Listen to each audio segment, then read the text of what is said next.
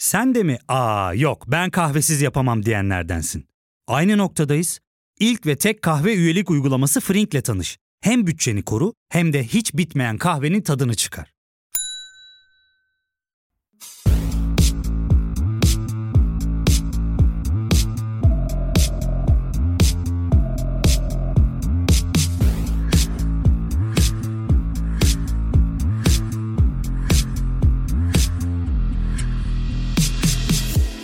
Sezgisel Beslenme kitabının yazarları Evelyn Triboli ve Alice Resch, yaptığımız her diyet için sık sık uçak yolculuğu yapanların kazandığı gibi uçuş mili puanı kazansaydık, çoğumuz çoktan aya kadar gidip dönecek puanı biriktirmiş olurduk.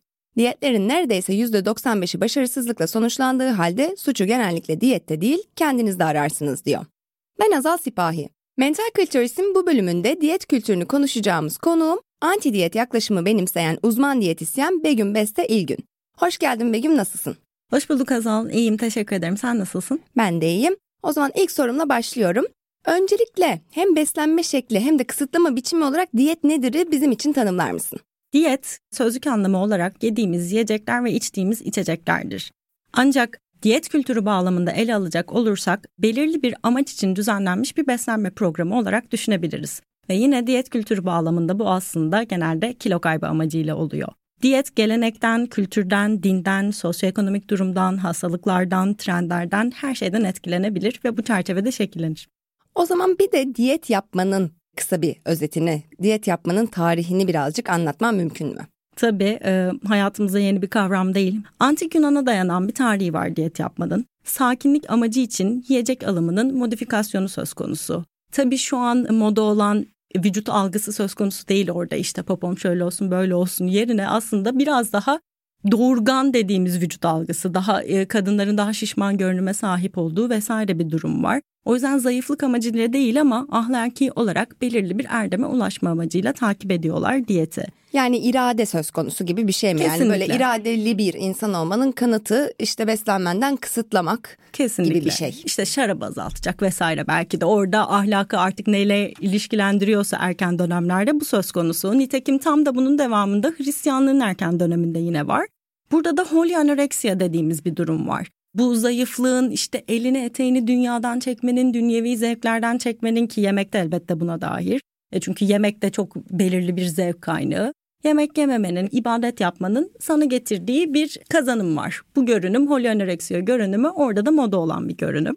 E sonra devamında geldiğimizde aslında orada şekillenen bir iyi kötü yiyecekler, yine yiyeceklerin ahlakla ilişkilendirilmesi durumu ta Hristiyanlığın erken döneminde artık hayatımıza yavaş yavaş girmiş oluyor. Ama 1800'lü yılların artık ortasına geldiğimizde ideal görünüm zayıflık görünümü. O Victorian anoreksiya dediğimiz o Victorian dönemde gerçekten insanların ahlak anlayışının değişmesiyle o korseli kıyafetlerin artmasıyla o belin iyice böyle oturacak bir kıyafet giymen gerekliliğiyle zayıf olman gerekliliği biraz daha ortaya çıkan bir şey gibi. O heroin chic dediğimiz 90'lar dönemine kadar uzanan modanın aslında kaynağı 1800'lü yıllar olarak görebiliriz. Yani hep kendini tekrarlıyor. Evet. O zaman ortaya çıkmış ama yine e, belirli şeylerde devreye giren bir sistem var. Ama ilk eğer hani şimdi 20. 21. yüzyıla bakacak olursak bir levazımatçı amcamız var. Kendisi öyle ya da böyle ben bir diyet yapacağım ve bu diyet işe yarayacak gibi bir şekilde ortaya çıkmış. Sebze tüketimini arttırdı, şarap tüketimini biraz daha kısıtladı, karbonhidrat tüketimini biraz daha azalttığı bir diyet de ortaya çıkmış. Benting hala bile kitabı basılıyormuş öyle bir durumda yani. Ama sonra 1900'lü yıllarda 1920'de bir kadın doktor Lulu Hunt Peters first weight loss dediğimiz artık o kilo kaybını tamamen hayatımıza sokan, bunun modasını ortaya çıkaran bir kitap yazıyor ve o zamandan beri biz de haşır neşiriz. Peki Lulu Hunt Peterson'ın kitabına kadar bu kalori sayma durumu var mı? Kalori saymayı mı öğretiyordu o kitapta? Tam olarak neydi? O ilk kalori counting aynen öyle kalori saymayı ilk ortaya çıkaran kitap o. Öncesinde kalori sayma kavramı pek yok. Hayatından belirli şeyleri çıkarma üzerine kurulu. Ama sonra işin kalorisiymiş işte kaloriler ne yaparmış gibi şey Lulu Hunt sağ olsun o zaman hayatımıza giren bir kavram. Buradan öyle şey gibi oldu değil mi? Bridget Jones'un girişinde de kaloriler yazardı ya böyle her günlük Bridget entrisini. Jones'u tekrar izlediğimde ki çok severdim hani eskiden vesaire ama şişman değil o kadın. Hiçbir şekilde şişman değil. Hani zaten şişman ya da zayıf kavramlarını öncelikle şu an belki de kullanıyorum diye dinleyicilerin kafası karışabilir ama bunlar öyle ayıp, yasak, şişman demek kötü bir şey değil. Şişman insan şişman insandır ama şişmanlığa bakış açımız toplumda maalesef kötü bir bakış açısı olduğu için bunu ayıplı bir şey gibi görüyoruz. Ama öyle bir şey söz konusu değil. Bunu baştan söyleyelim.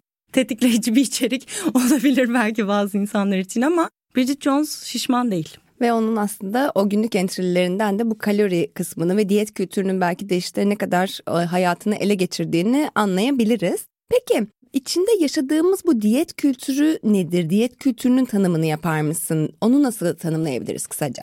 Diyet kültürü sağlık ve güzelliği incelikle eşitleyen, yiyecekleri ve yemek yemeyi ahlakla ilişkilendiren, sosyal olarak inşa edilmiş ve şartlandırılmış inançlar sistemi.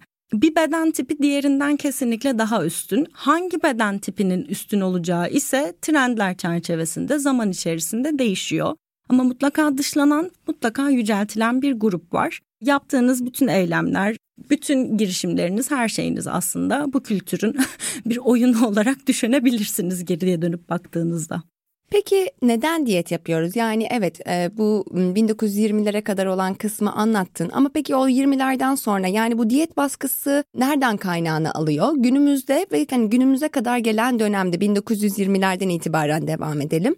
Ve hani güncel olarak da insanlar ne zamanlarda en çok bu diyet yapma baskısını, kilo verme baskısını hissediyorlar? Bu zamana kadar konuştuğum bütün danışanlarımı ya da hayatımda yer alan bütün insanları düşünürsem kendimizi kandırmayalım. Sağlık aslında ikinci noktada devreye giren bir şey. Kimse ilk başta sağlıklı olmak amacıyla, daha iyi olmak amacıyla diyete başvurmuyor. Hepimizin ulaşması gereken bir görüntü var, olması gereken bir kişi var. Çünkü değer yargılarıyla çok sıkı bir şekilde ilişkilendirilmiş bir kavram. Az önce dediğimiz gibi ahlaklı olmakla, güzel olmakla, sağlıklı olmakla belirli bir beden tipini ilişkilendiren bir sistem içerisindeyseniz bunu düşünmemeniz, bunu yapmamanız gerçekten çok zor. Diyet yapmayan bir insan bile diyet kültürü davranışlarını hayatında uygular. Yemeğe dair belirli düşüncelere sahiptir ve bilip bilmeden bu düşüncelerle hareket eder aslında. İlla resmi olarak bir listeyi takip etmek, bir kısıtlama yapmak zorunda değil. Ama ertesi gün dengelemem lazım demesi dahi zaten diyet kültürünün bir eseri.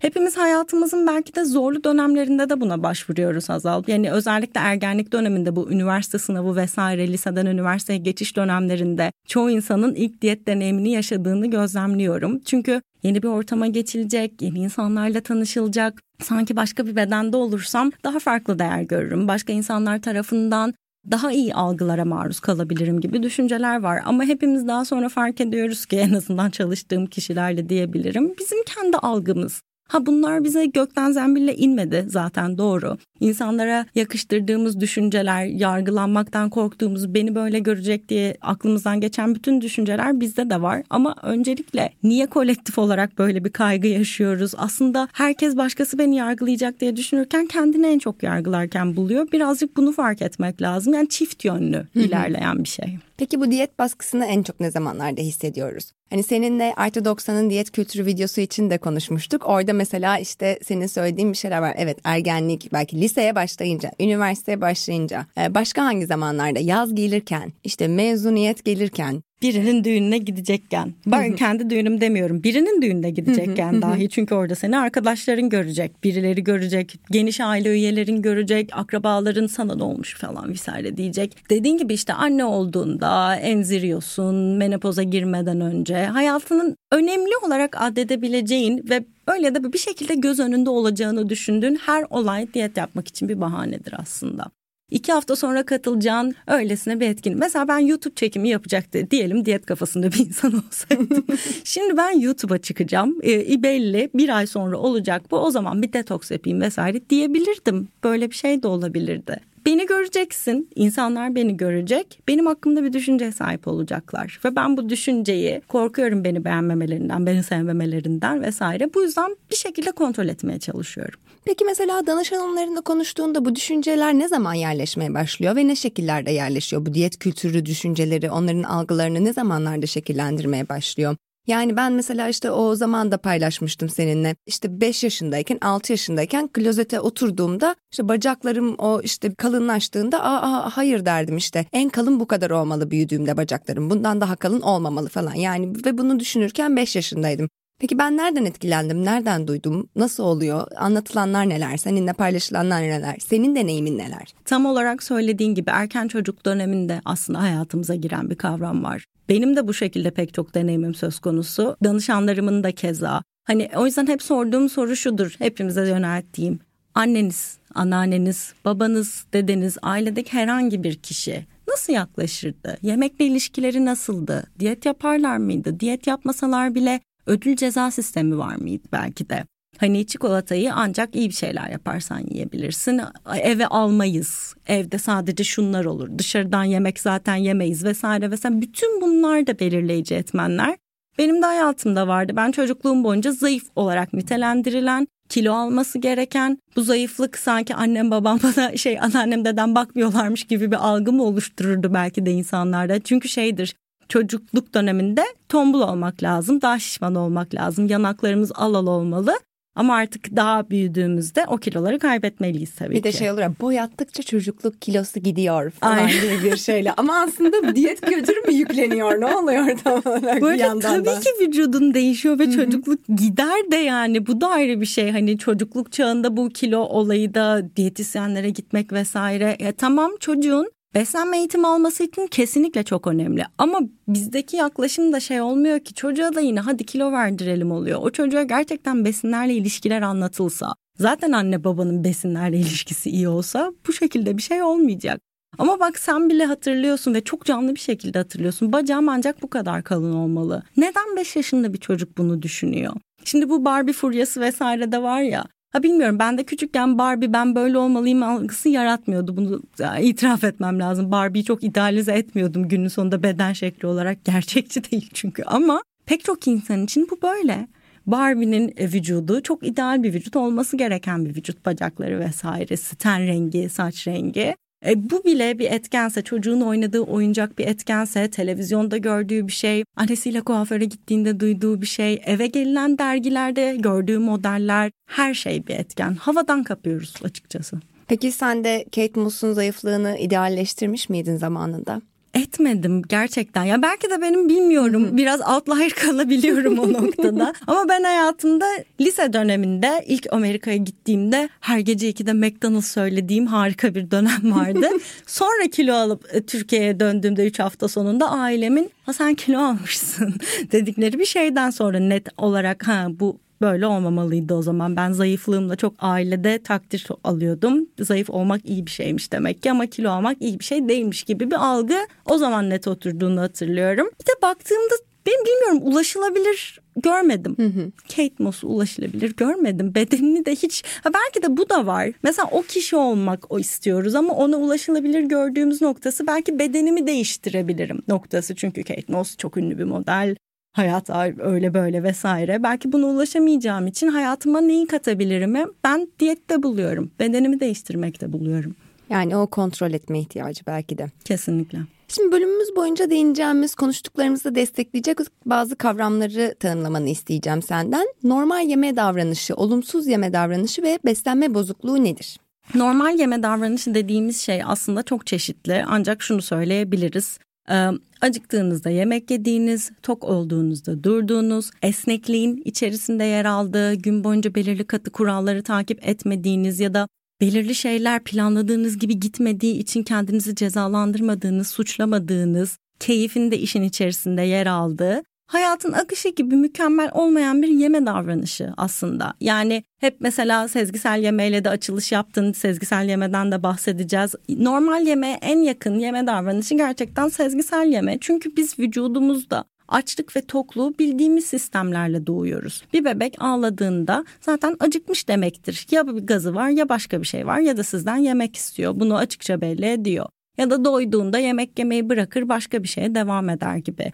Ben vücudumdan gelen bilgilere bu kadar vakıfken nasıl bu kadar uzaklaşabiliyorum? Çünkü işte bu böyle olmamalı, şu şöyle olmalı diyen sesler devreye girdiğinde normallik bozuluyor. Çünkü hı hı. o normal akışın içerisinde çomak sokan bir şey var günün sonunda. Ben onu yemek isterken zihnimden bir ses diyor ki yok o olmamalı sen başka bir seçeneğe gitmelisin. Burada nasıl bir esneklikten bahsedebiliriz? Yani aslında sezgisel beslenen bireyler olarak dünyaya geliyor. Daha sonrasında olumsuz yeme davranışları ya da beslenme bozuklukları geliştirebiliyoruz. Peki olumsuz yeme davranışları?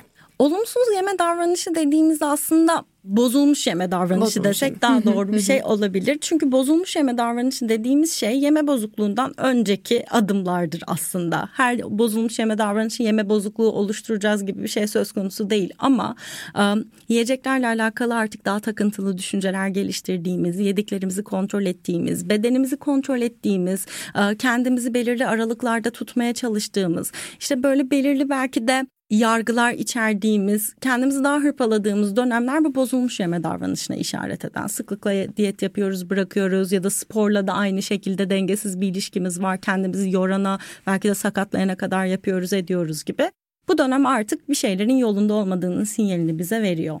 Herhalde en kalabalık grupta bu grup oluyor yetişkinleri e, düşündüğümüzde evet. diye düşünüyorum. Yani bozulmuş yeme davranışları grubu. Peki beslenme bozukluğu nedir? Beslenme bozuklukları nelerdir? Yani böyle e, beş tanedir diye sayabileceğimiz kadar mı? Beşten çok daha fazla var yeme bozukluklarını dediğimizde hala belki de DSM-5 tarafından kategorize edilmeyen ama bu da bir yeme bozukluğudur diyebileceğimiz pek çok şey de var. Türden türe değişiyor açıkçası ama şunu söyleyebilirim. Bunlar psikiyatrik rahatsızlıklardır artık. Bu noktaya geldiğinizde sadece yemekle alakalı olmayan ama psikolojinizi de çok derinden etkileyen ve artık gerçekten e, multidisipliner bir yaklaşımla e, bir tedavi almanız gereken bir noktadasınız. Burada yemek artık zihninizde bir ses var ve o sesle sizi hareket ettiren bir noktadasınız. Her zaman daha mükemmele ulaşmak, daha yetersiz olduğunuzu size söyleyen, sizi neredeyse tüketene kadar e, sizi artık o yemekle alakalı ilişkinizi takip ettiren belki de işte istifra etmenizi sebep olan belki de çok tıkınırcasına yeme atakları yaşadığınız çok başka şeylere sizi uçlara götürebilecek ve kendi içlerinde de değişkenlik gösterebilecek hastalık grupları aslında. Ve mesela anoreksiya nervoza dediğimiz aslında eğer yeme bozukluğuna bakacak olursak dünyada aslında ölüm riski taşıyan psikiyatrik hastalıkların başında gelen bir durum var ve bu bir yeme bozukluğu yolu. Bu kadar tehlikeli bir yönü de var bunun. Böyle iki ucu gerçekten sizi başka noktalara getirebilecek bir şey ama bu hayatımızda yer alıyor ve belki de çoğu insan yardım dahi alamıyor. Çünkü ve normal görüyorum. Ee, hani normalleştiriyoruz derken pro ana yani işte anoreksiya nervozu nasıl olursunu anlatan bloklar hatırlıyorum ben. Yani bundan 10 yıl öncesinde falan benim karşıma çıkmıştı. Hatta bakmayı bile düşünmüştüm yani hani. Bu kadar hani bulimia'nın, anoreksiya nervosa'nın falan da işte e, Nicole Richie'yi falan hatırlasana ne bileyim Paris Hilton, Nicole Richie'nin o dönemleri işte Lindsay Lohan falan da hepsi daha bu anorektik görünüme sahiplerdi. Nitekim kendileri de zaten anoreksiyadan muzdarip oldukları bir dönemdelerdi. Bunun devamında aslında senin dediğin gibi bunu da medyanın gerçekten çok iyi bir görünüm diye pazarladığı bir nokta söz konusu. Ama şimdi geldiğimiz dönemde iğrenç bir görünüm nasıl kendine bakıyorsun vesaire gibi şeyler de var. Hani bu insanlar ne yapsın? O zaman o doğruydu kendilerince mükemmel olmak için bu olmalıydı ya da sadece böyle görünmeliğimin ötesinde çok başka genetik yatkınlıklar da söz konusu yeme bozukluklarında. Bütün bunları geçiyorum ama Hani o gün yücelttiğimizi bugün işte şimdi hayır artık bu moda bu değil dediğimizde bu insanların da ne yapacağını bilemediği bir durum söz konusu. Çünkü e, onu beğeniyordunuz ama ben şimdi böyle olduğumda bunun yeterli olmadığını, daha çok kilo almam gerektiğini söylüyorsunuz. Ama zihnim, vücudum hiçbir şekilde benim bunu yapmama izin vermiyor. Ben buna karşı çok ciddi bir kontrol mekanizması geliştirdim. Ne yapacağım? Böyle danışanım da çok oldu açıkçası ve zorlu. Hiçbir şekilde kendine yer bulamadığını da gösteriyor aslında bütün bunlar.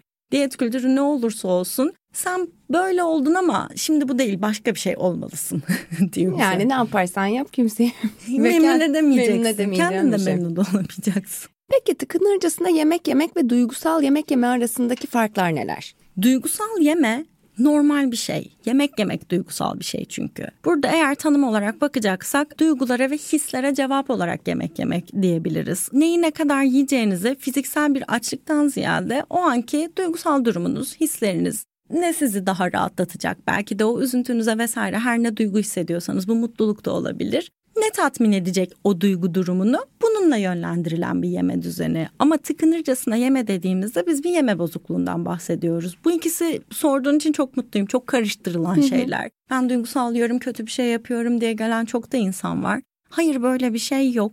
Tıkınırcasına yeme dediğimizde bir kere normalden çok fazla bir miktarda yiyoruz kısa bir sürede tüketiyoruz ve yemek yeme davranışını kontrol edemiyoruz. Ve bütün bu üçlü sık periyotlarda tekrarlıyor. Yani duygusal yemeden kesinlikle ayrı bir şey. Öbür tarafta daha anlık bir durum söz konusu. Ha yeme epizodu da tabii ki çok duygusal tetiklemelerle olabilir, başka bir şeylerle olabilir ama bir kontrol edememe hali var.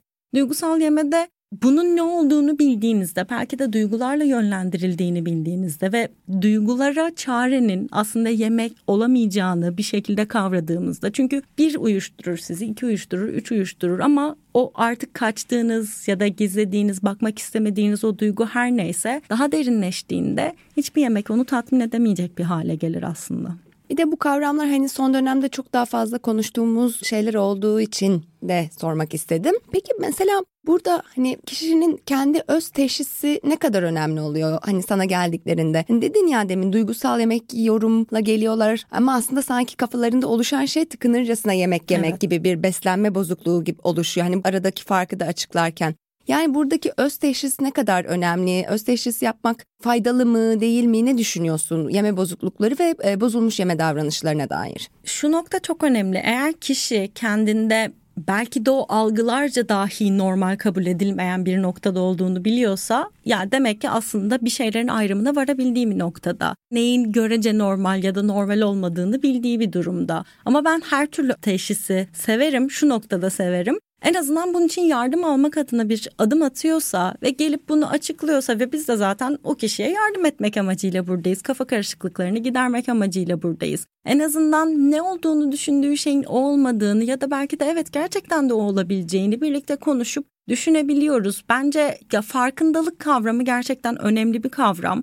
Ama tabii sezgisel yeme kavramında da hep konuştuğumuz farkındalık daha meraklı bir farkındalık. Daha kendimize şefkat göstermeye yönelik bir farkındalık. Kendimizi yargılayıp bak böyle yapıyorsun böyle yapmamalıydın şeklinde hırpaladığımız zamanlar elbette oluyor. O, yani gerçekçi değil olmaması. Ama bunu biraz daha ben de böyle bir şey oluyor ve ben bunu belirli periyotlarda bak böyle böyle şeyler hissettiğimde yapabiliyorum gibi daha gözlemci bir bakış açısıyla gerçekleştirdiğimizde ki bunu yapmayı da öğreniyoruz. O durumla baş edebilmemiz elbette çok kolaylaşacak. Şu an bu soruyu sormanı tekrar şu açıdan sevindim. Artık sezgisel yeme maalesef çok popülerleştiği için bu diyet yaklaşımını benimseyen insanlar tarafından da ağza sakız edilmiş bir duruma geliyor. Sezgisel oruç Heh, var yani. mesela. Yani evet, hani bu sürdürülebilir kelimesi çok şey oldu ya hani her yere çat çut yapıştırdığımız bir şey oldu yani hani. Evet orada aslında sezgisel de sanki bu kilo kontrolü ve zayıflama endüstrisinde çat çut çat çut şimdi yapıştırılmaya başlanan bir şeye dönüyor gibi. Tam olarak dünya greenwashing olduğu zaman diyet kültürüne de sürdürülebilirlik geldi.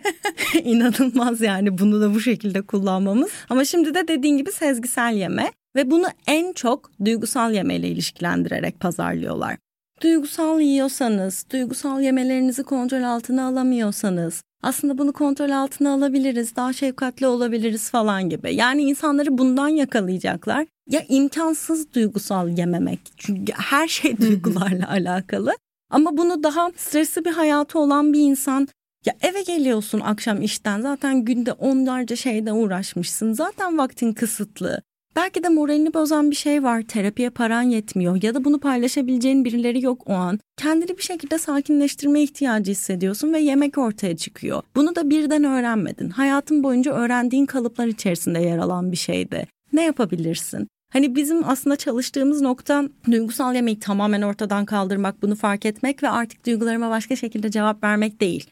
Duygusal yeme var. Duygularıma başka şekilde cevap verebilirim. Bunun üzerine çalışabilirim ama yemek de her zaman bir seçenek. Ama bu yüzde seksen oranında benim yemeğe başvurduğum bir senaryo varsa ben yemeği yüzde kırklara yüzde otuzlara geriletebilirsem de bu benim için çok büyük bir gelişmedir. Ama bunu tamamen ortadan kaldırmaya gerek yok. Peki beden algısı ve olumsuz beden algısı nedir? Beden algısı e, fiziksel görüntümüze dair, bedenimize dair tutumlarımızı, düşüncelerimizi, inanışlarımızı içeren bütün prosesimiz, düşünce sürecimiz aslında. Olumsuz beden algısı dediğimizde maalesef daha bu mükemmeliyetçi bakış açısından, gerçekçi olmayan e, ideallerden beslenen ve bizi belki de daha negatif davranış örüntüsüne sürükleyen bir süreçten bahsediyoruz. Ne sebep olur? Bedeninizi sürekli kontrol etmeye sebep olur mesela. Ee, işte sürekli tartılmak, sürekli kendinizi cimcirmek, sürekli kendinizi başka insanlarla kıyaslamak, yediklerinizi kontrol etmek, Cimcirmek neden? İşte yağlandım mı mesela? Ha, öyle kontrol, anladım. Aynen Okay, birazcık okay. yokluyor kendini mesela şey yapıyor. Kolunu bacağını cimciriyor ya da ne bileyim işte klozete oturduğunda o bacağın mesela kalınlaştığında o bacağının kalın kısmında şöyle bir bakıyorsun kontrol ediyorsun iki elinin arasında ölçüyorsun gibi. Bunu da yapabiliyoruz ya da sık sık eski kıyafetlerimizi deneyip gidip tartılmıyorum belki de Ta- kesinlikle tartılmam tartı beni olumsuz etkiliyor diyorum ama gidiyorum eski kıyafetlerimi deniyorum mesela yani ya da yoldan geçerken vitrinin camından yansımamı kontrol ediyorum yine kendimi kontrol etmek oluyor bu.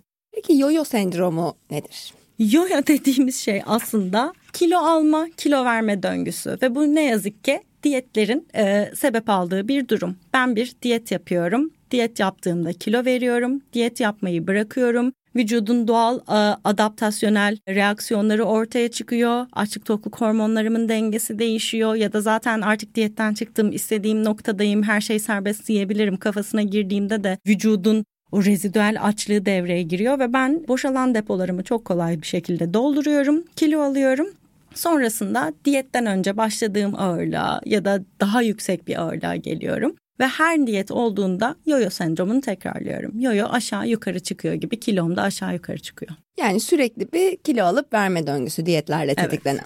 Evet. Peki kalori saymayı aslında bu kalori açığı bırakmayı da birazcık bahsetmiştik Lulan Peterson'dan bahsederken yine bir tanımlaman mümkün mü? Kalori dediğimiz şey aslında bir gram suyun sıcaklığını bir derece santigrat arttırmak için harcadığımız enerji bir enerji birimi yani. Ama kalori saymanın mantığı şu.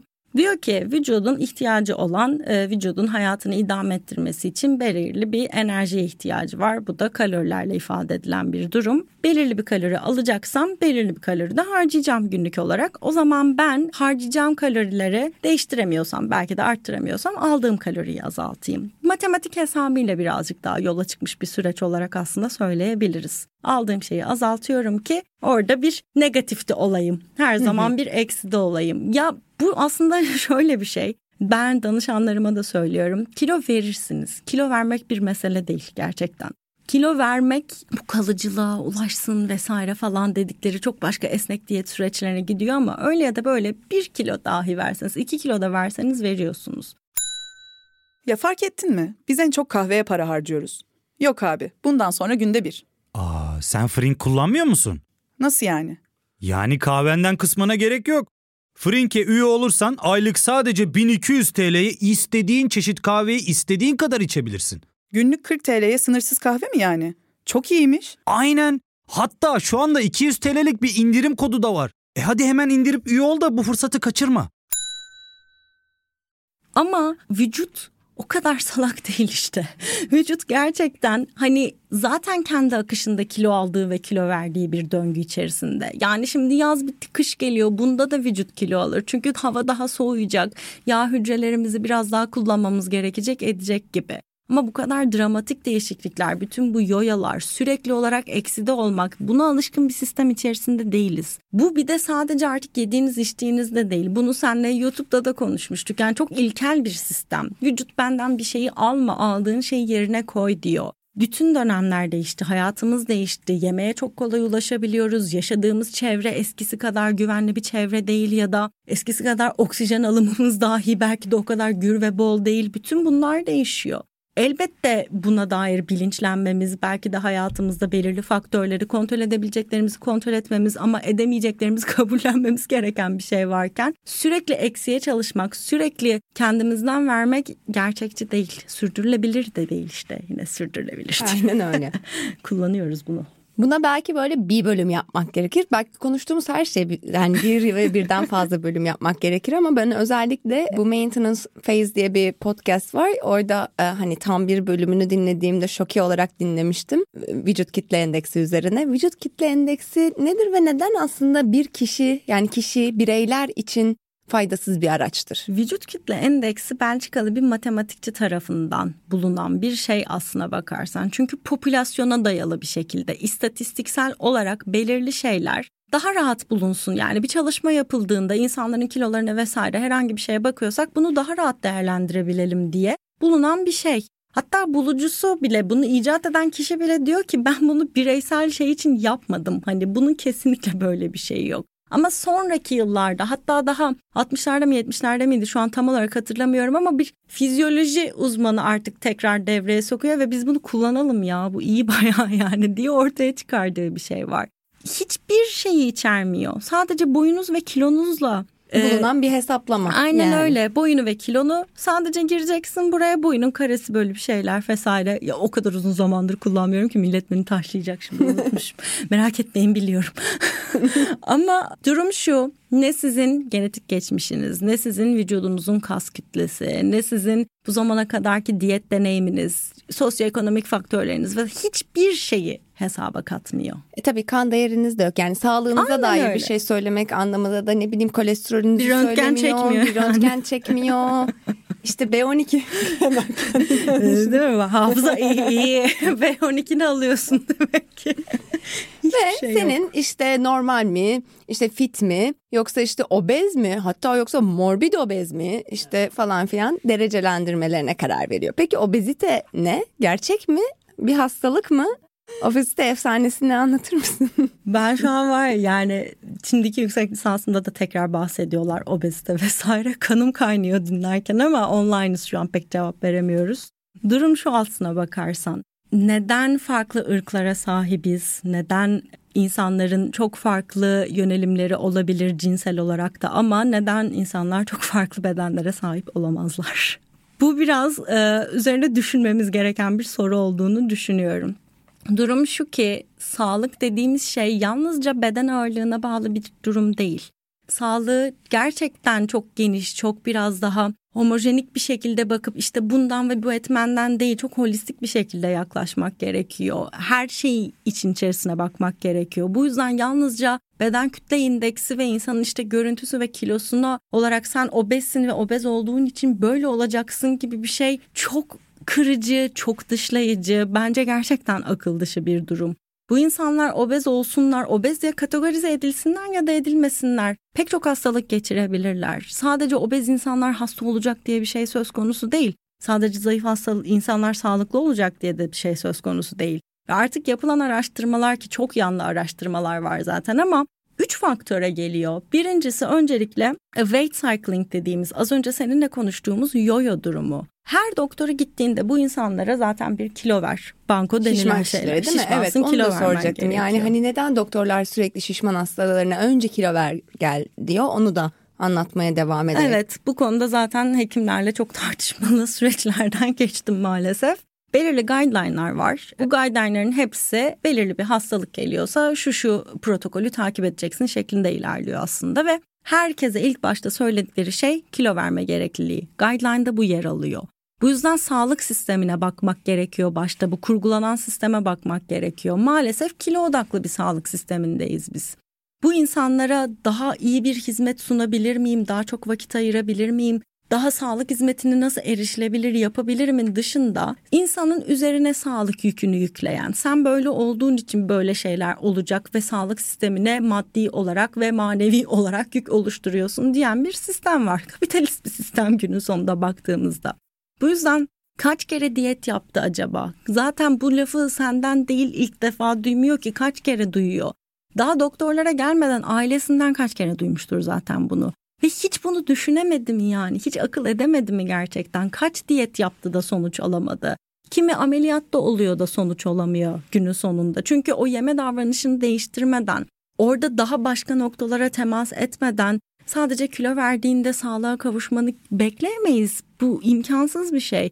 Ya da insanları sadece kilolu olduğu için sağlık hizmetinden mahrum da bırakamayız. O kadar çok insan var ki doktora gitmek istemiyor. Çünkü doktor bana sadece kilo vermemi söyleyecek. Ağrılarının hepsi zaten bu yüzden ya da şikayetlerinin hepsi sadece bu yüzden diyecek. Ama bu hatırlıyorum bu bir danışanımın anlattığı bir şeydi. Mesela kendisi ve eşi arasında aynı doktora gidiyorlar ortopediste. Kendisi biraz daha kilolu eşinden, eşi erkek. Kendisine verilen tavsiye kilo vermeniz gerekiyor. Ağrılarınız bu şekilde diner vesaire. Eşine ise yine ağrısı var. Kilosu şey değil. Merhem veriyor. Şunları yapmayın, bunları yapmayın bakın diye çok daha detaylı bir bilgilendirme yapıyor. Bunu diğer kişiye de yapabilirdi. yani sadece kilolu diye o kişiye o bilgiden mahrum bırakmak var. O ilgiden, o değerden bir değer görmek istiyoruz aslında hepimiz karşımızdaki kişiden. Bunu kesinlikle size sağlamıyor. Layık sana. Evet bir de o yoyodan e, bahsetmeye başlamıştın. Yani aslında bakıldığında üç şey karşı, karşımıza çıkıyor. Bu Kesinlikle. yoyo sendromu ve Birincisi bu dışlanmadan da bahsedeceğiz sanırım. İşte değer görmeme deyince oraya tekrardan bağlayalım istedim. Kesinlikle çok iyi bağladın. İkincisi ayrımcılığa maruz kalma aslında. Bu insanlar hayatları boyunca öyle ya da böyle gerek sağlık sisteminden gerek toplumsal olarak belirli bir ayrımcılığa maruz kalıyorlar. Ve bu ayrımcılık öz değerlerini düşürüyor. Ayrıca zaten ırk ve eğer bu seksüel yönelimi de düşündüğümüzde bedensel ayrıcalık da bu bedensel ayrımcılığın da artık insanların maalesef sosyal hayatta daha az yer almasına sebep olduğuna dair bir araştırma da var. Bunu seninle aslında konuşmuştuk. Harvard'ın da yaptığı bir araştırma. İş yerinde mesela şişmansan tembel bir insansındır. Zaten sen kendine bakmıyorsun, kendine saygı göstermiyorsun, kilo vermiyorsun, spor yapmıyorsun sana bir iş versen bunu mu yapacaksın ya da terfiyi hak etmiyorsun gibi o cam tavan gibi aslında bu insanların da karşılaştığı zaten bir hak ettikleri maaşı alamama vesaire gibi bir durum var mesela. Bu da yapılan araştırmalardan. Sistematik olarak bu şekilde dışlanıyorsanız zaten stres seviyeniz tavan olur bir kere. Böyle bir üzüntüyle baş etmek kolay bir şey değil ve bu insanlarda nasıl hastalık ortaya çıkmasın böyle kronik bir stres yaşıyorlarsa. Üçüncü bir durumda aslında yine belki de yaşadıkları her şeyle bağımlı olarak bir spor durumu, hareketlilik durumu. Bu insanlar sürekli olarak ayrımcılığa maruz kaldıklarında ya da zaten sürekli bir diyet deneyimden fiziksel olarak yorgun düştüklerinde ve fiziksel olarak yıprandıklarında tabii ki vücutlarının dayanıklık seviyesi de düşüyor aslına bakarsan. Sürekli bir kas ve kemik kütlesinin kaybından da bahsediyoruz. Hareketin yalnızca kilo vermek için ya da ancak sporu belirli bir kilodaysan yapabilirsin gibi bir algıyla da. Yani hareketsizliği aslında mahkum evet. etmek gibi bir şey söz konusu oluyor. Kesinlikle sedanter bir yaşam, hareketsiz bir yaşam, zayıf olsun, şişman olsun her insan için ölüm oranını arttıran bir durum. Bu yüzden bu insanlar daha hareketsiz bir yaşama çünkü dışarı çıkamıyor çünkü insanların bakışlarına maruz kalacak ve bundan hoşlanmıyor. Spor salonuna gidemiyor bu mu spor yapıyor ya ne yapıyor bu vesaire diyecekler belki de bir şekilde yargılanacak. Yani üçü birbirinden belki ayrı görünse de hepsi birbiriyle çok bağlantılı ve bu üçü de bu şekilde kategorize edilen farklı beden ölçülerine sahip insanların maalesef daha da aslında hayat kalitelerinin düşmesine sebep olan bir durum. Daha da marjinalleştiriyorlar. Yani aslında öldüren şey tekrarlayan diyet davranışı, evet. ayrımcılık ve hareketsiz bir yaşama mahkum edilmek oluyor. Peki birazcık aslında başlamıştın açken vücudumuzda neler olduğunu anlatmaya, diyetteyken neler olduğunu anlatmaya. Yani aslında aç bırakırken kendimizi diyeyim. ee, orayı birazcık daha detaylandırman mümkün mü?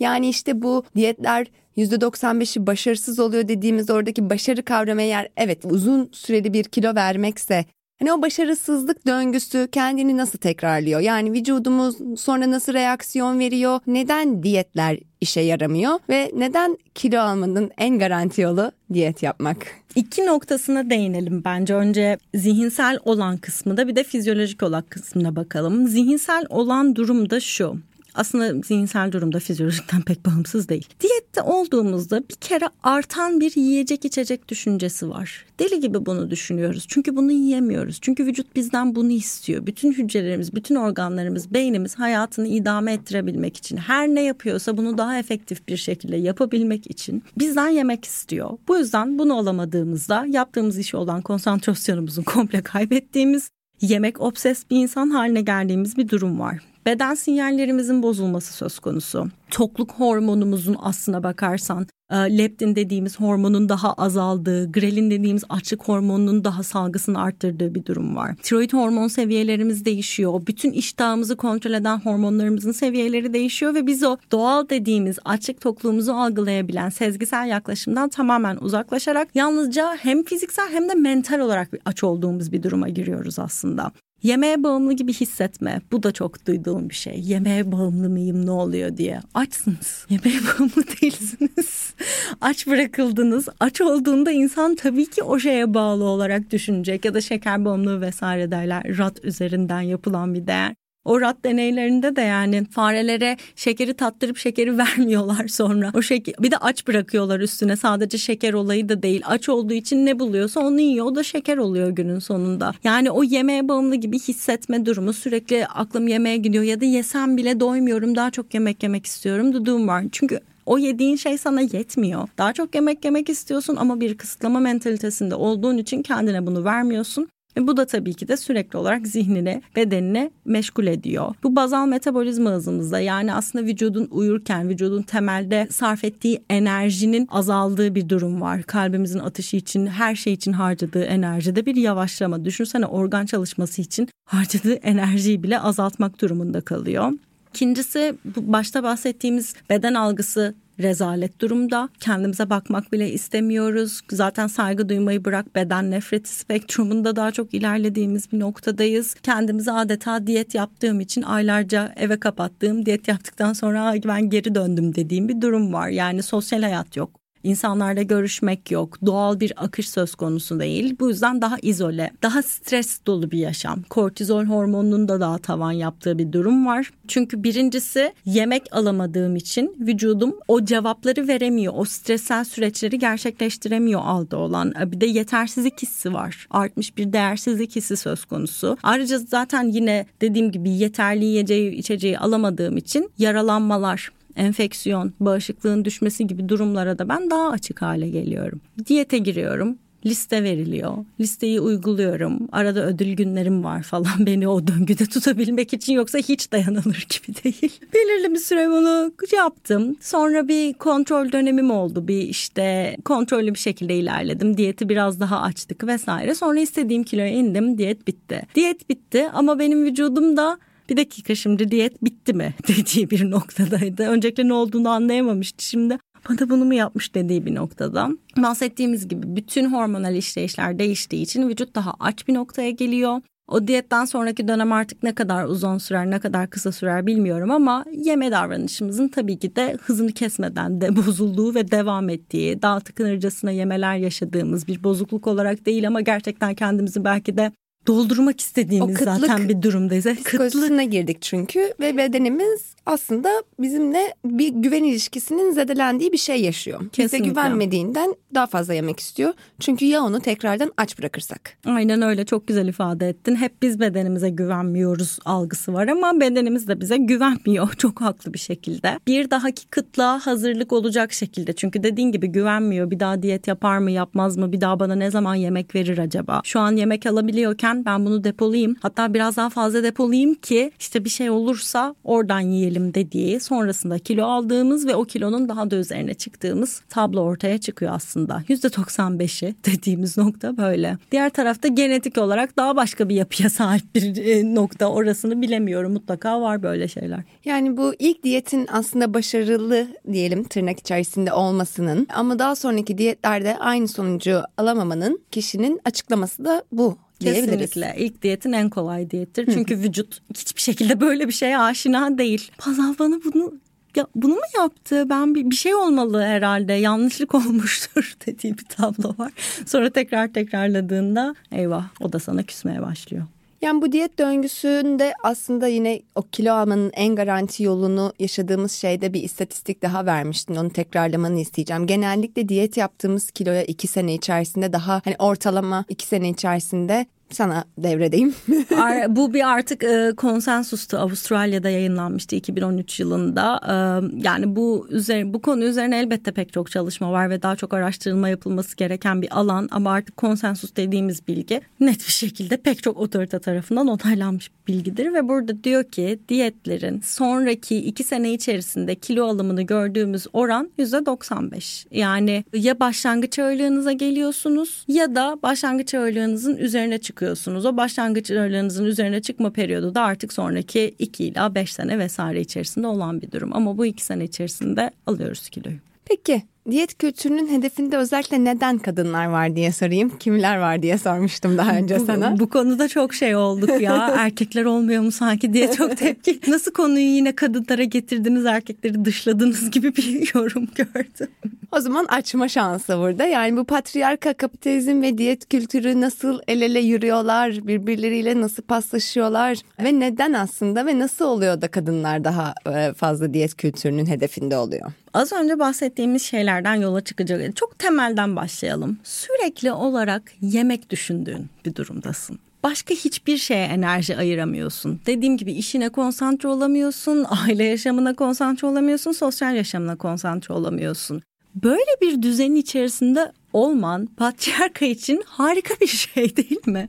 Kadın hayatın diğer alanlarında yer alamayacak kendiyle kafayı bozacak tırnak içerisinde görünümüyle nasıl olması gerektiğiyle zaten o kalan azıcık enerjisiyle de yapması gereken iş dağılımlarını yine tırnak içerisinde yapması gerekiyor. E, kadının sesini, kadının söz hakkını elinden almaya çok yardımcı olan bir sistemden bahsediyoruz. E, çünkü bunun hani bu ilk çıktığı durumlarda aslında bu siyasi yatıştırıcı olarak da bunu aslında söylüyorlar. Bunu Naomi Wolf söylemişti işte. Diyet kadın tarihindeki en güçlü siyasi yatıştırıcıdır Evet diye. onun güzellik emeğiydi Evet, sanırım. evet, hani evet. onu da anlattı. Yani hani bu güzelliğe harcanan emekle, eforla aslında nelere emek ve efor harcayamıyoruz. İşte bunun içerisine diyet yapmayı da alabiliriz, kılları almayı da alabiliriz. Yani her türlü kozmetik Kaş büyük aldırmaya gitme, maniküre pediküre gidip orada 2-3 saatini gömme gerçekten. Arada da devrem yapacağız falan.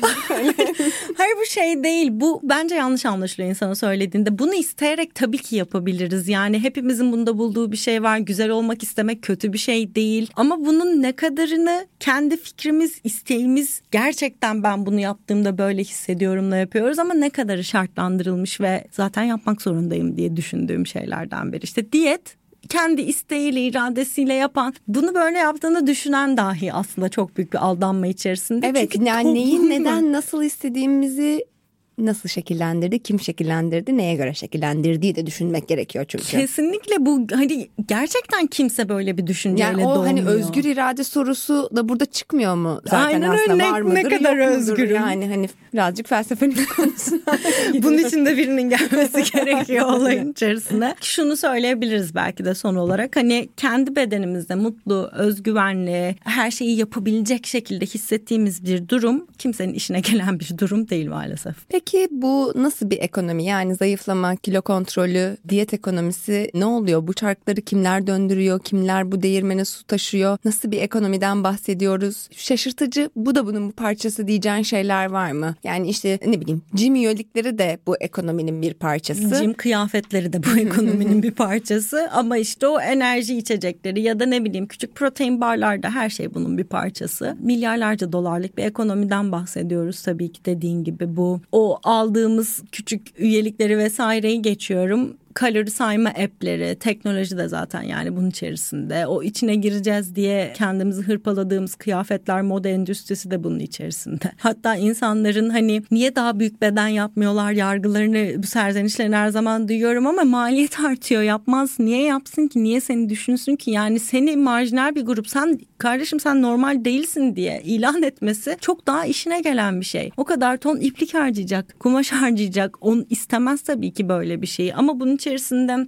bütün araştırma örgütlerini sayabilirsin, e, bütün sağlık sistemini sayabilirsin. Hani ekonomik olarak baktığımızda işte zaten az önce bu teknoloji vesaire desek ilaç endüstrisi ya hekimler vesaire her şey herkesin bir şekilde bundan nemalandığı bir şey olabiliyor. Çünkü yaptığımız araştırmalardan da biz para alıyoruz, ediyoruz vesaire. Birileri fon sağlıyor, ediyor gibi. Hani hangi soruyu sormak ve hangi cevabı almak istiyorsuna da bakabilen bir endüstri aslında günün sonunda. Bu yüzden sadece işte bireyin beslenme, fiziksel aktivite ve irade üçgenine hapsedildiğini sandığımız bir durum var ama bu üçgen işte kim tarafından empoze ediliyor diyebilirsin. Ee, şimdi birazcık daha artık bölümün hani bundan peki nasıl iyileşeceğiz kısmına geçmek istiyorum. Orada da yani aslında diyet kültürünün zararlarını, medya etkisini falan filan da herhalde artık şeyde yani mücadele kısmında konuşuruz diye düşüneceğim. Peki ama şimdi kişisel bir soru. Diyet dışı beslenme danışmanı, anti diyet yaklaşım benimseyen diyetisyen yani sen nasıl oluyor senin yaptığın şey? Sen nesin? sen nasıl oluyorsun? yani kendi topuğuna sıkmak değil mi diye sorayım. Diyet dışı yaklaşımla aslında gerçekten tanışmam da çok güzel bir öykü. Onu şu yüzden anlatmak istiyorum. Yüksek lisans yaparken bir gün bir dersteyiz ve hocamız gayet 70'li yaşlarında beyaz İngiliz bir erkek. Sınıfta bir kadını e, betimlerken kamyon gibi, tır gibi gibi bir ifade kullandı kadından bahsederken. Ve sınıfta meğersem Laura Thomas varmış. Laura Thomas'ı da araştırırsanız onun da aslında İngiltere'de sezgisel yeme alanında önce isimlerden biri olduğunu görebilirsiniz. Sınıf arkadaşım kendisi. Övünüyorum şu an yani öyle bir şey. Laura yani. Eğitimlerini de aldık parayla ama neyse.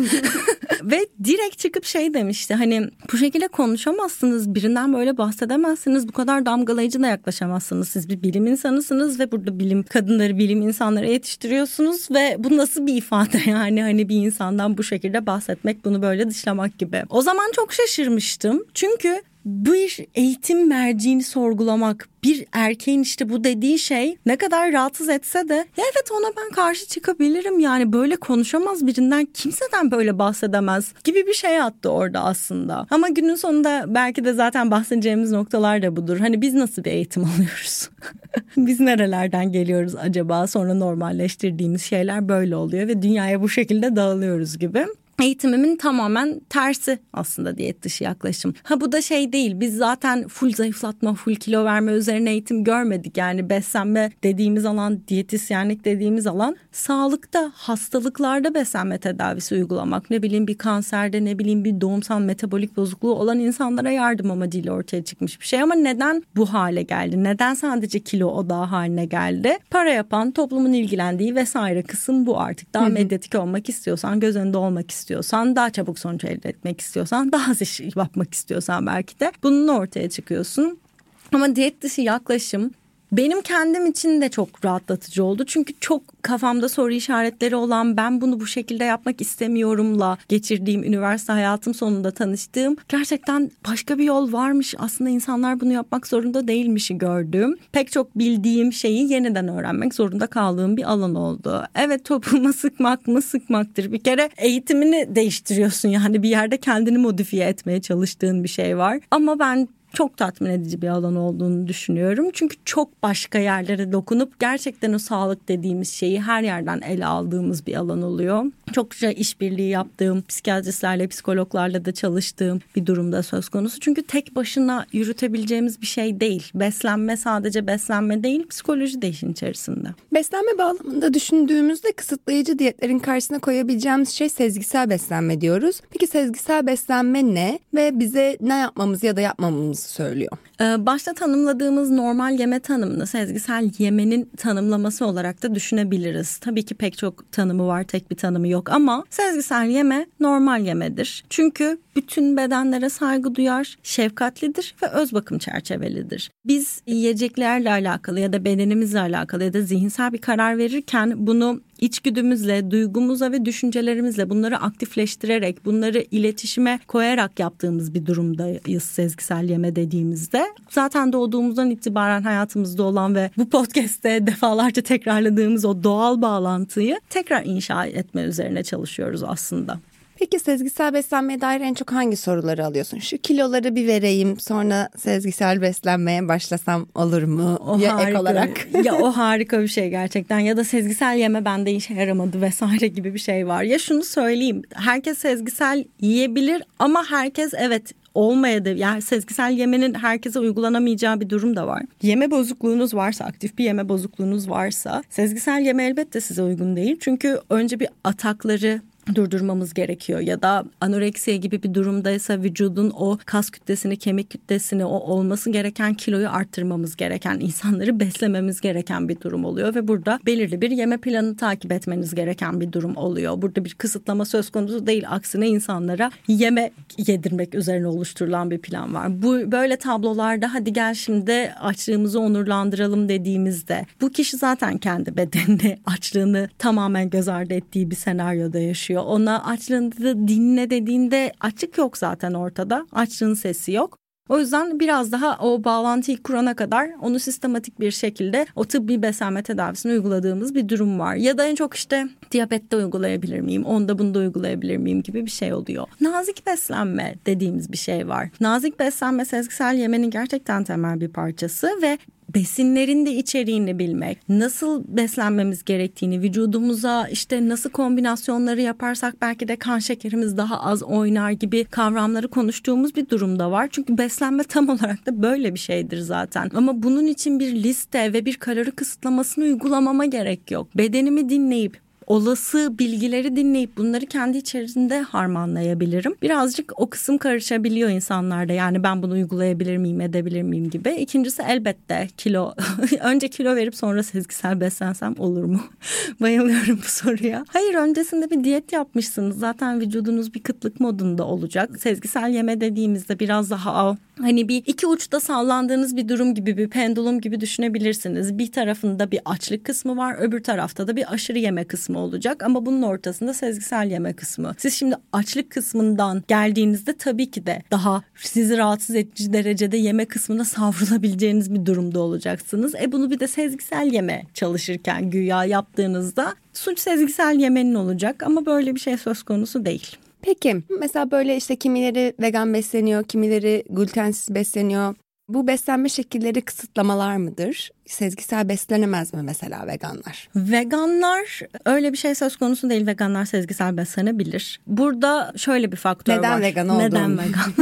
Game changer veganı mısın yoksa etik vegan mısın? Aynen hani bu şekilde beslenmek istiyorsa ve bu etik manada takip etmek istediği şeyse buna karışamam buna kesinlikle hiçbir şey diyemem. Ama yeme bozukluğu ve bozulmuş yeme davranışı maskesi altında varsa ama ben veganım vesaire dediği bir durumsa buraya bakmamız gerekiyor. Çünkü bunu da bir kısıtlama aracı olarak görebiliyor insanlar. Hani kendine onu onu yemek istemiyorum işte kilo kaybetmek istemiyorum demiyor ama veganım hani işte her şeyi yiyemem gibi bir kılıf bulduğu bir durum da olabiliyor. Onun ayırdına varmak çok önemli. Elbette etik veganlar da sezgisel beslenebilir kesinlikle beslenme eğitimi almaları gerekir. Ama bu sadece veganların değil herkesin beslenme eğitimi alması gerekiyor. Tam da bu noktada da çölyakta ya da belirli hassasiyetleri olan insanlar da aynı şekilde. Ya da işte kimi dinler belli diyetleri takip ediyor. Bu kısıtlama diyeti anlamında değil de beslenme şekli anlamında. Evet, evet. Herkese uygun ya eliminasyon dediğimizde ya da bir çölyak vesaire dediğimizde bir vücudunun doğal bir kısıtlaması olarak düşünebiliriz bunu. Vücudun orada yetişemediği bir durum var. Vücudun daha fazla işbirliği beklediği bir durum var. Bazı şeylerin ayırdına varamadığı bir durum var. Bunun biz ayırdına vardığımızda ona yardımcı olabilecek şekilde, onunla işbirliği yapabilecek şekilde beslenebiliriz ve bu illa sezgilerimize aykırı olmak zorunda değil. Yine açlık ve tokluk üzerinden ya da bedene saygı duymak üzerinden konuşuyoruz. Her şeyden önce benim bedenim gluteni sindiremiyorsa ya da ben, bu bana çok acı veriyorsa demek ki bu aslında bedenime karşı bir eylem.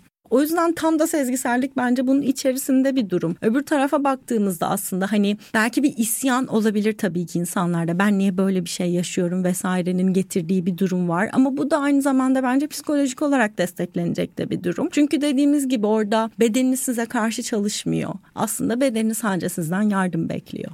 Peki o zaman bu diyet kültürüyle nasıl mücadele ederiz diye son sorumu sorayım. Mesela yani işte bu sosyal medyadan gelen diyet kültürü uyaranlarına karşı çevremiz vesaire neler yapabiliriz? Bu zararlardan nasıl koruyacağız kendimizi? Bence sezgisel yeme biraz da gerçekten aktivizmi içeren bir durum hani ilk başta bireysel başlayan ama hep bunu derim mesela sezgisel yemeyle başlar ama o sezgisel yaşama evrilen bir durum olur. Sonra dışsal uyaranlar sizi çok rahatsız etmeye başlar ve buna laf yetiştirmeye işte öyle değil böyle demeye başlarsınız.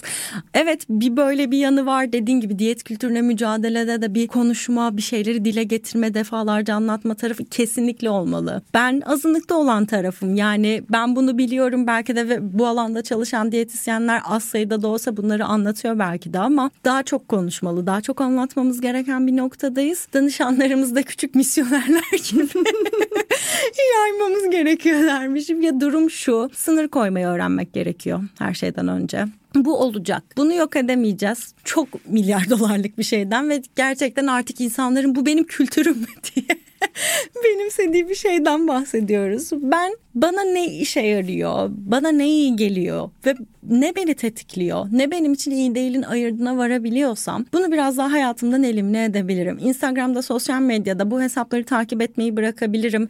Hangi reklam araçları önüme düşüyor. Onları işte birazcık ince ayarlar ama bunları belki de ilgili değilim, bunları görmek istemiyorum seçeneklerine başvurabilirim. Ve beslenmeyle alakalı ya düşünmek, sürekli okumak, etmek bu da toksik bir yere geliyor. Her ne kadar iyi niyetlerle bunu yapıyorsanız olun. Sürekli bu konu gerçekten işte o devrim yapmaya ne zaman vaktimiz kalacak o zaman. Bence biraz es vermek gerekiyor ve biraz daha beden nötrlüğü üzerine keşke bir dönüşüm yaşasak. Hani beden olumlamanın da ötesinde bedenim tamam güzel her bedende güzelim ama bedenimden öteyim başka bir şey var bende. Yani bu benim değerim, bu benim kişiliğim, bu benim yaptığım her hareketim, söylediğim her şey. Bunların hiçbirinin benim bedenimle alakası yok. Biraz daha belki de beden nötrlüğü düsturuyla hareket edebileceğimiz bir durum olursa ki ya bilmiyorum yeni nesilde eğilim hem bu yönde var hem de diğer yönde de var. Tam da söyleyemiyorum ne yöne gidiyoruzu algılayamıyorum ama birazcık bence davranışlarımızla yani hani mesela o küçük cevabındır ya biri sana diyet yapıyorum ve sen sonra şöyle yapıyorum dediğinde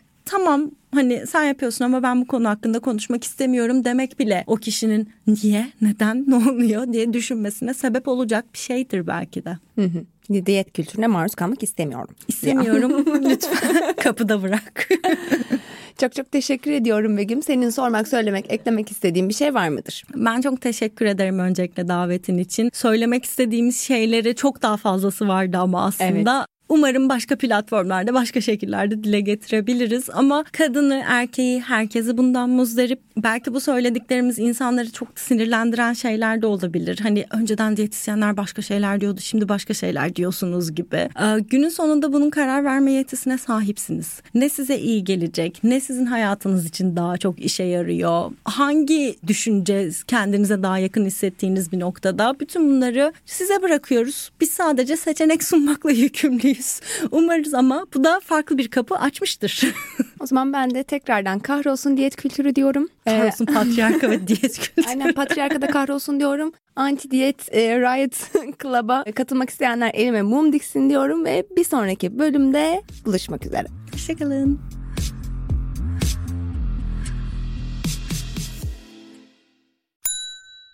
İlk ve tek kahve üyelik uygulaması Frink 46 ildeki 500'den fazla noktada seni bekliyor. Açıklamadaki kodu girerek sana özel 200 TL'lik indirimden faydalanmayı unutma. Hadi sen de Frink üyeliğini başlat, kahven hiç bitmesin.